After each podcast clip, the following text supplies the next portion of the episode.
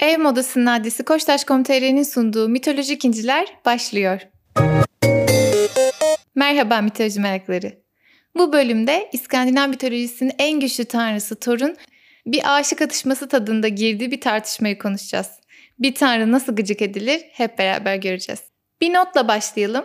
Thor çok yerde şimşek, yıldırım ve fırtına ile bağdaştırılır. Ancak antik kaynaklarda direkt Thor eşittir yıldırım tanrısı diye bir tanım yok aslında. Yani biz hep popüler kültürde böyle duyuyoruz ama aslında öyle değil. Bu daha çok sonradan popüler olmuş, vurgulanmış bir yakıştırma. Yine de Thor'un hava olaylarıyla ilişkilendirildiği kesin. Kafanızda kaslı, oldukça iri, güçlü kuvvetli ve sarışın bir Thor imajı zaten vardır diye düşünüyorum. Bunlara ek olarak biraz da Thor'un kişilik özelliklerini vurgulayacak olursak savaşmayı ve meydan okumaları çok sevdiğini belirtmemiz gerekir. Önceki bölümlerde fark etmişsinizdir. Siz yeter ki onun önüne bir iddia koyun veya şunu yapamazsın diye ona meydan okuyun. Thor hemen gaza gelir. Devlerin baş belasıdır Thor. Devler çok güçlü yaratıklar. Hatta zaman zaman tanrıları bile korkutan, uğraştıran, sorun çıkaran yaratıklar.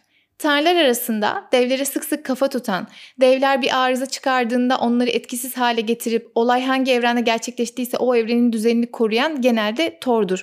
O yüzden Thor devlere, devler de Thor'a bilenmiştir. Karşılaştıklarında aralarında ya soğuk ya sıcak mutlaka bir savaş olur. Şimdi Thor'u hatırladığımıza göre ilk hikayemizle başlayalım.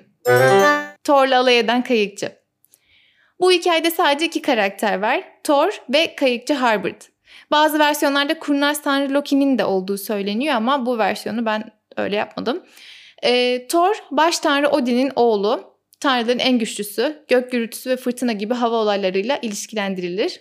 Kayıkçı Harbord'u ise tanımıyoruz. Birazdan tanıyacağız. Sadece ismi aksakallı anlamına gelmektedir. Gerçekten de bu kayıkçı beyaz uzun sakalları olan bir adamdır. Bir de Tanrıça Sif'in adı geçiyor sadece. O da Thor'un eşi. Hikaye şöyle. Thor yine bir gün devler diyarı Jotunheim'e gider. Thor devlerin korkulu rüyasıdır. Sık sık onların diyarına gidip etrafı kolaçan eder. Usu duruyorlar mı diye bakar. Şüpheli bir durum varsa üstüne gider devlerle çarpışır. Yine bir gün böyle bir yolculuktan sonra Asgard'a dönüşe geçmiştir ki yolda devasa bir körfeze denk gelir. Karşıdan karşıya geçmesi mümkün değildir. Tanrı da olsanız gücünüz her şeye yetmeyebiliyor bu mitolojide. Ne yapsam da karşıya geçsem diye düşünürken karşı kıyıda duran kayıkçıyı fark eder. Hey oradaki kimsin sen kayıkçı mı diye sorar. Kayıkçı da ona asıl sen kimsin aptal köylü diye sorar. Bu ters cevaba gıcık olsa da dişini sıkar Thor. Eğer beni buradan alıp karşıya geçirirsen sana çantamdan çok iyi ödeme yaparım. Çantamın içi güzel yiyeceklerle dolu ve istediğin kadar yiyebiliyorsun. Mesela ben yola çıkmadan önce bolca ringa balığı ve bir havuz dolusu yulaf lapası yedim bu çantadan der. Kayıkçı Thor'u baştan aşağı eleştirel bakışlarla süzer. Şu kılığına bak der. Çıplak ayaksın. Üstündekiler de bir dilenci kıyafeti gibi. Doğru düzgün bir pantolonun bile yok anlaşılan. Senin kalacak yerin olduğundan bile şüpheliyim. Bu alaylara artık katlanamayan Thor, kayığı hemen bana getir. Hem bu kimin feribotu diye bağırır. Kayıkçı Thor'un bu atarından hiç korkmaz. Aksine ona cevap vermeden arkasını döner ve kıs kıs güler. Thor daha çok öfkelenir. Bu kayık kimin dedim sana diye bağırır. Kayıkçı cevap verir. Kahraman Hildolf'un kayığı. O bilge bir kahramandır. Katil kurt diye bilinir. Bu kayığı bana emanet etti. Ama serserileri ve at hırsızlarını bu kayığı almamamı emretti. Sadece değerli adamları kayığa alabiliyorum. O yüzden bana kim olduğunu söylemen lazım. Thor övünerek, koltukları kabararak cevap verir. Tabii, söyleyeyim sana kim olduğumu. Ben Meilin'in kardeşi, Magni'nin babası, Odin'in oğlu Thor'um. Tanrıların en güçlüsüyüm. Torun cümleleriyle körfezde kocaman dalgalar oluşur ama dalgalar gelip kayıkçının ayaklarının dibinde kırılıp sakinleşirler. Thor karşısındakinin sıradan bir ölümlü olmadığını farkına varır ama kim olduğunu bilmiyordur. Peki sen kimsin kayıkçı? Bana adını söyle diye emreder. Kayıkçı cevaplar. Benim adım Harbert. Bu pek gizlediğim bir şey değil. Thor sorar. Neden gizleyesin ki? Yoksa kan davasına bulaşmış bir kanun kaçağı mısın? Kayıkçı cevaplar. Ya sen öyleysen? Gerçi eğer kaderimde başka türlüsü yoksa senin gibilere karşı başımın çaresine bakmayı bilirim ben. Thor kendisinin kim olduğunu bilmesine rağmen böyle pervasızca konuşan bu adama karşı iyice sinirlenmiştir. Ama sakin kalmaya çalışır. Çünkü ona ihtiyacı vardır. Sakalını sıvazlar ve düşünceli şekilde etrafa bakar. Dua et önümde bu körfez var der. Suya girip belime kadar ıslanmaya değmezsin. Yoksa karşıya geçip sana bu saçma konuşmaların hesabını ödetirdim. Harbert dalga geçmeye devam eder. Öyle mi? Gel bekliyorum. Bak burada duruyorum gel. Hrungnir'le dövüştüğünden beri benim gibisine rastlamadın der. Thor heyecanlanır. Demek Hrungnir hakkında konuşmak istiyorsun öyle mi? Bu hikayeyi de bu bölümün sonunda anlatacağım kısaca. O sallanan devin kafasının taştan yapıldığını biliyor musun? Ama yine de onu öldürdüm. Cansız halde öylece yatıyordu. Peki sen Harbert o sırada ne yapıyordun? Harbert cevaplar. Beş kış boyunca Algron adasında güçlü savaşçılarla savaştım. Çok büyük zorluklara göğüs gerdim. Çok büyük zorluklara göğüs gerdim. Thor yine sakalını sıvazlayarak düşünceli bakışlar atar. Peki ya kadınlar? diye sorar. Harbert cevaplar. Onlar bizi büyük bir nezaket ve hevesle karşıladılar. Çünkü böyle yapmaları önerilmişti. Zaten kumdan halatlar yapmadıkça ya da vadilerin dibini kazmadıkça bizden kaçamazlardı. Yine Viking ruhunu hissettiğimiz gaddarca bir söylem tabii. Harbert gerinip pişkin pişkin konuşmaya devam eder. Kadınlar ilk bana geldiler. Yedi bakire kız kardeşle yattım ve her biri beni ayrı ayrı heyecanlandırdı. Peki ya sen Thor o sırada ne yapıyordun? Thor cevaplar.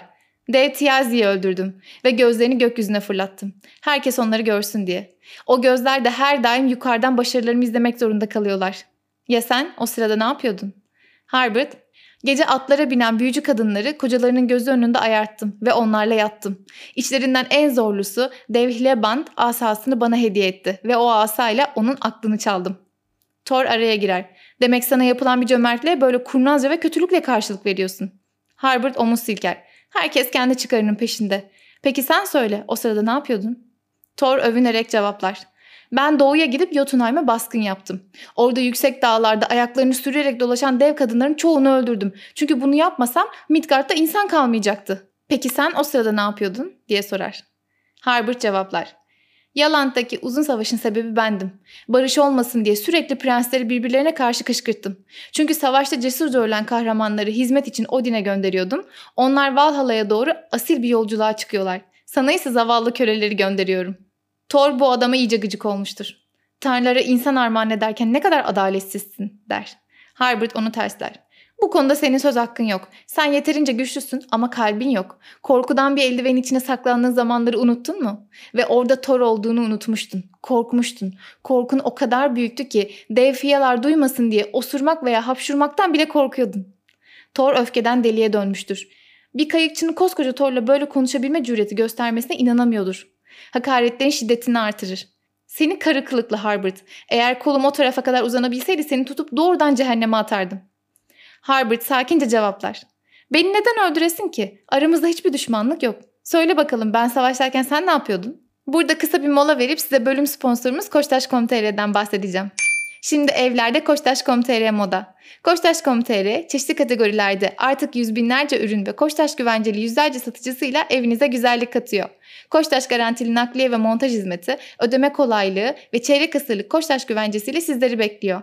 Siz de hemen Koçtaş.com.tr'ye gelin, evinizde modayı keşfedin. İnce yüz koduyla ilk 500 lira üzeri alışverişe 100 lira indirim Koçtaş.com.tr'de. Kampanya 30 Eylül'e kadar geçerli. Kaçırmayın.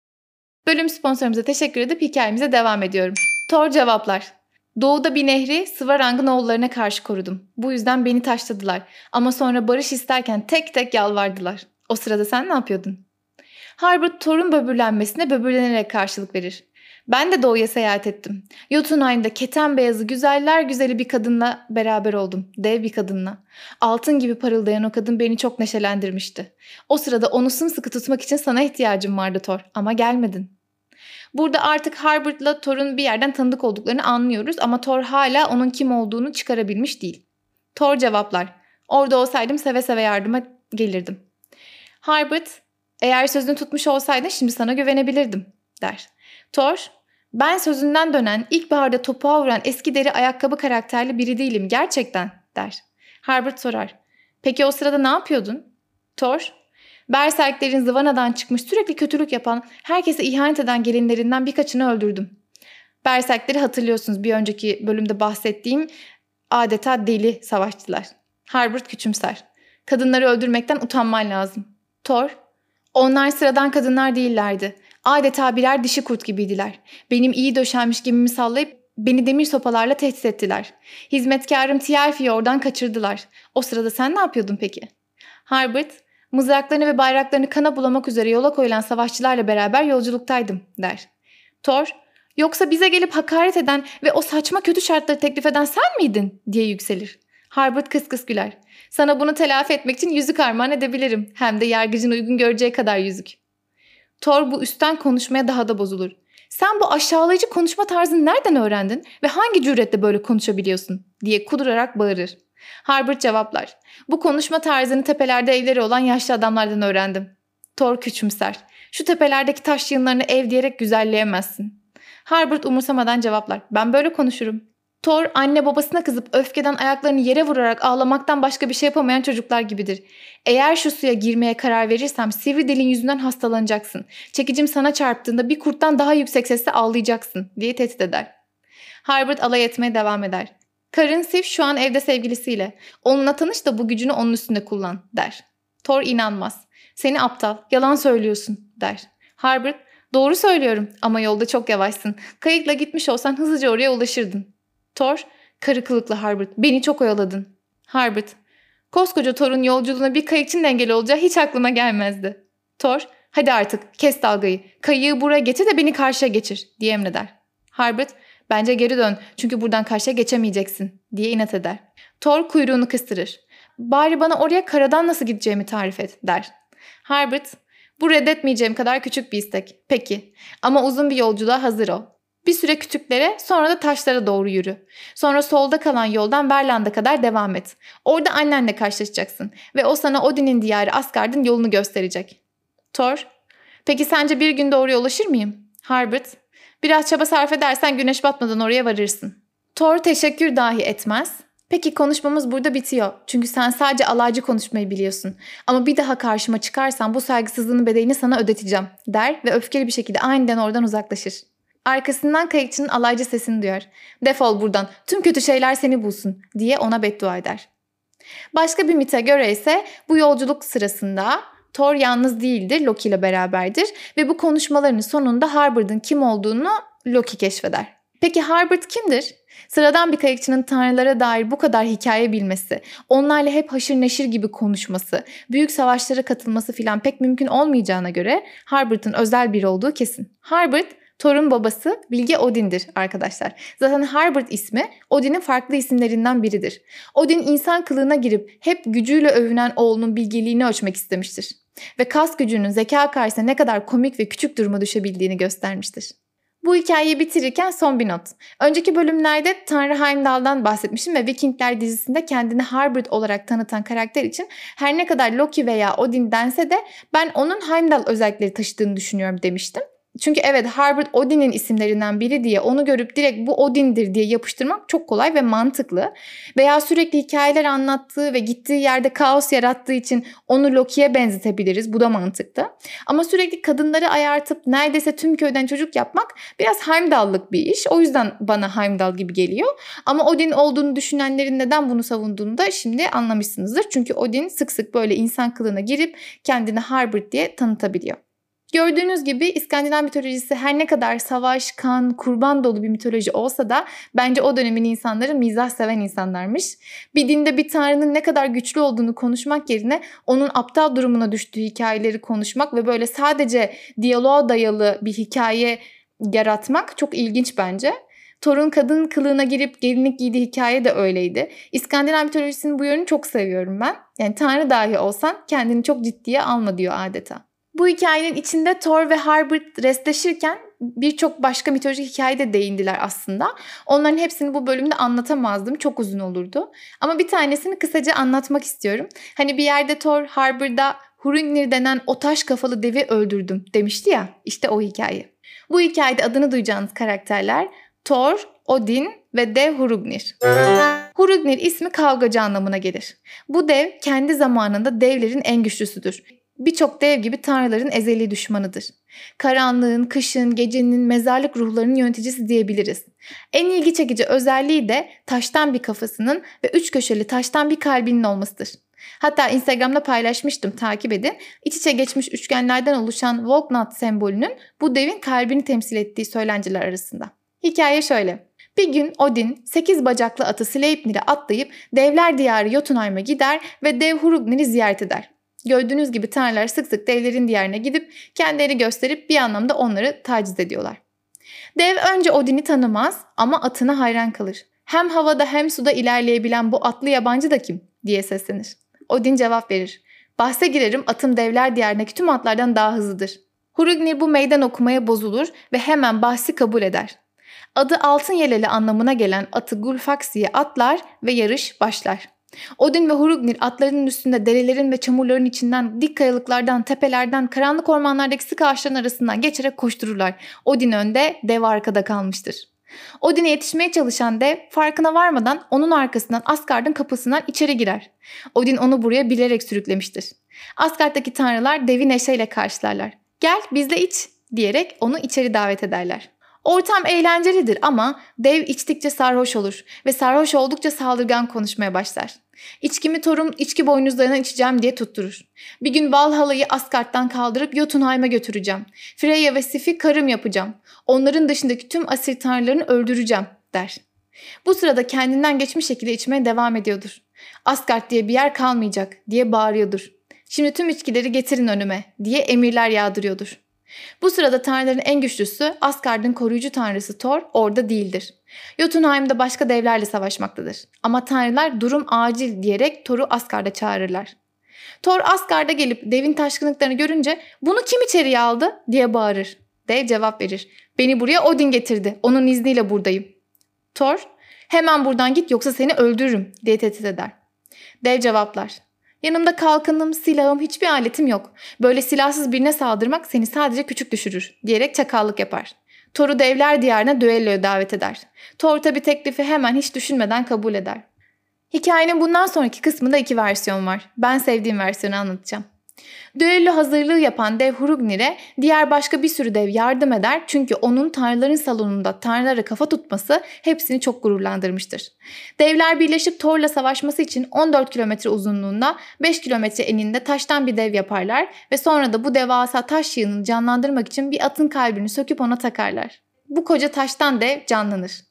Bu sırada asıl savaşacak olan dev Hurugnir de biley taşından bir zırh ve yine biley taşından bir kalkan ve silahla saldırıya hazır şekilde bekliyordur. Thor'un önceki bölümlerden hatırlayacağınız yardımcısı Tielfi, dev Hurugnir'e Thor'un nereden saldıracağı bilgisini gizlice verir ama bilerek yanlış bilgi verir tabi. Bu sayede dev Thor'un yer altından gelmesini beklerken Thor havadan gelip çekicini kafasına geçirdiğinde dev hazırlıksız yakalanır elindeki biley taşını fırlatır. Taş torun çekicine çarpıp ikiye bölünür. Bir parçası yere düşüp biley taşı dağlarını oluşturur. Diğer parçası ise torun kafasına saplanır. Torun çekici de dev Hrungnir'in kafasına saplanır ve dev ölür. O yere yığılırken de hep beraber yaptıkları taştan devin üstüne düşer, o da parçalanır. Böylece bu dev tehlikesi de atlatılmış olur. Ama Thor'un kafasına saplanan biley taşından kurtulması gerekiyordur. Sonunda Groa adındaki büyücü bir kadının bunu yapabileceğini öğrenir. Kadını ziyaret eder. Gerçekten de kadının okuduğu büyüyle taş yavaş yavaş saplandığı yerden çıkıyordur. Thor kadına minnet duygusu hisseder ve onu sevindirmek ister. Biliyor musun öldü sandığın kocan aslında yaşıyor der. Kadın şok olur. Nasıl yani der. Thor anlatır. Onu devler diyarı Jotunheim'de canlı halde bulmuştum. Bir sepete koyup Midgard'a geri getirdim. Ama yolda ayak parmaklarından biri sepetin dışında kalıp donmuş. Ben de donan parmağı kopartıp göğe fırlattım. Parmağı bir yıldız oldu der. Kocasının yaşadığını öğrenen kadın sevinçten havalara uçar. Thor onu daha çok inandırabilmek için gökteki yıldızı gösterir. Ama bu şok edici haberden sonra kadın heyecandan okuduğu büyüyü unutur. Dolayısıyla Thor'un kafasındaki biley taşı tam olarak çıkarılamadan orada kalır. Mehmet Emre İnal'ın da İskandinav Teorisi adlı kitabında bahsettiği gibi bir inanışa göre yere her biley taşı düştüğünde Thor'un kafasındaki biley taşı hareket edip Tanrı'nın canını yakar. O yüzden o dönemde yere biley taşı atmak yasaklanmıştır. O dönemde biley taşı silahları keskinleştirmek gibi savaşla ilgili konularda önemli bir taş olduğu için muhtemelen böyle bir hikaye oluşturulmuş olacak. Yeni bölümlerden ve ilginç mitolojik bilgilerden haberdar olmak için Instagram'dan ve Spotify'dan mitolojik incileri takip etmeyi unutmayın. Ev modasının adresi koçtaş.com.tr mitolojik incileri sundu.